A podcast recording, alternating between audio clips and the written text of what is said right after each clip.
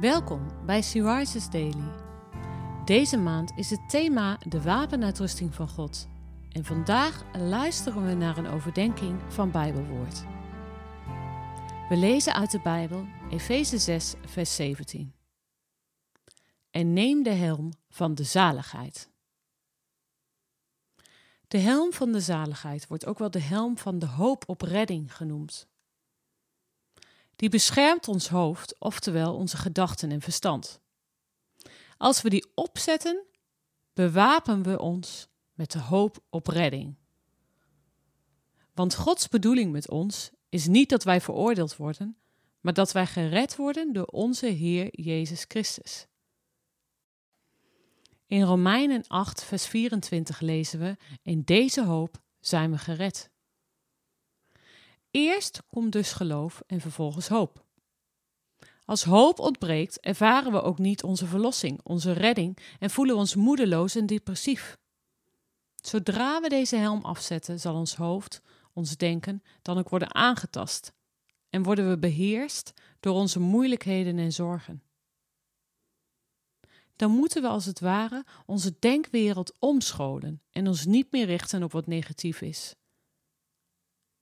Daarvoor hebben we de kracht van de Heilige Geest zo nodig, zodat onze hoop overvloedig zal zijn. Het is zo belangrijk de helm van de hoop te blijven opzetten, om de hoop die voor ons ligt vast te houden, als een anker voor de ziel dat vast en onwrikbaar is. Ja, zo wordt het omschreven in Hebreeën 6, vers 18. Ons anker, vastgeklonken aan de eeuwige rots ons anker, onze hoop, die niet alleen gericht is op dit leven, maar dat reikt tot in de eeuwigheid. Gebruik wat God geeft van deze drie verdedigingswapens: het harnas, schild en de helm. Daar wil God ons in voorzien. Laten wij gebruik van maken als de tegenstander ons aanvalt in onze gedachten en gevoelens. Dan zullen we geleidelijk maar zeker door Zijn geest overwinning gaan behalen. Dan zijn we weer volop bruikbaar voor God, zoals Hij het heeft bedoeld. Waar hoop jij op? En wat doet deze hoop met je?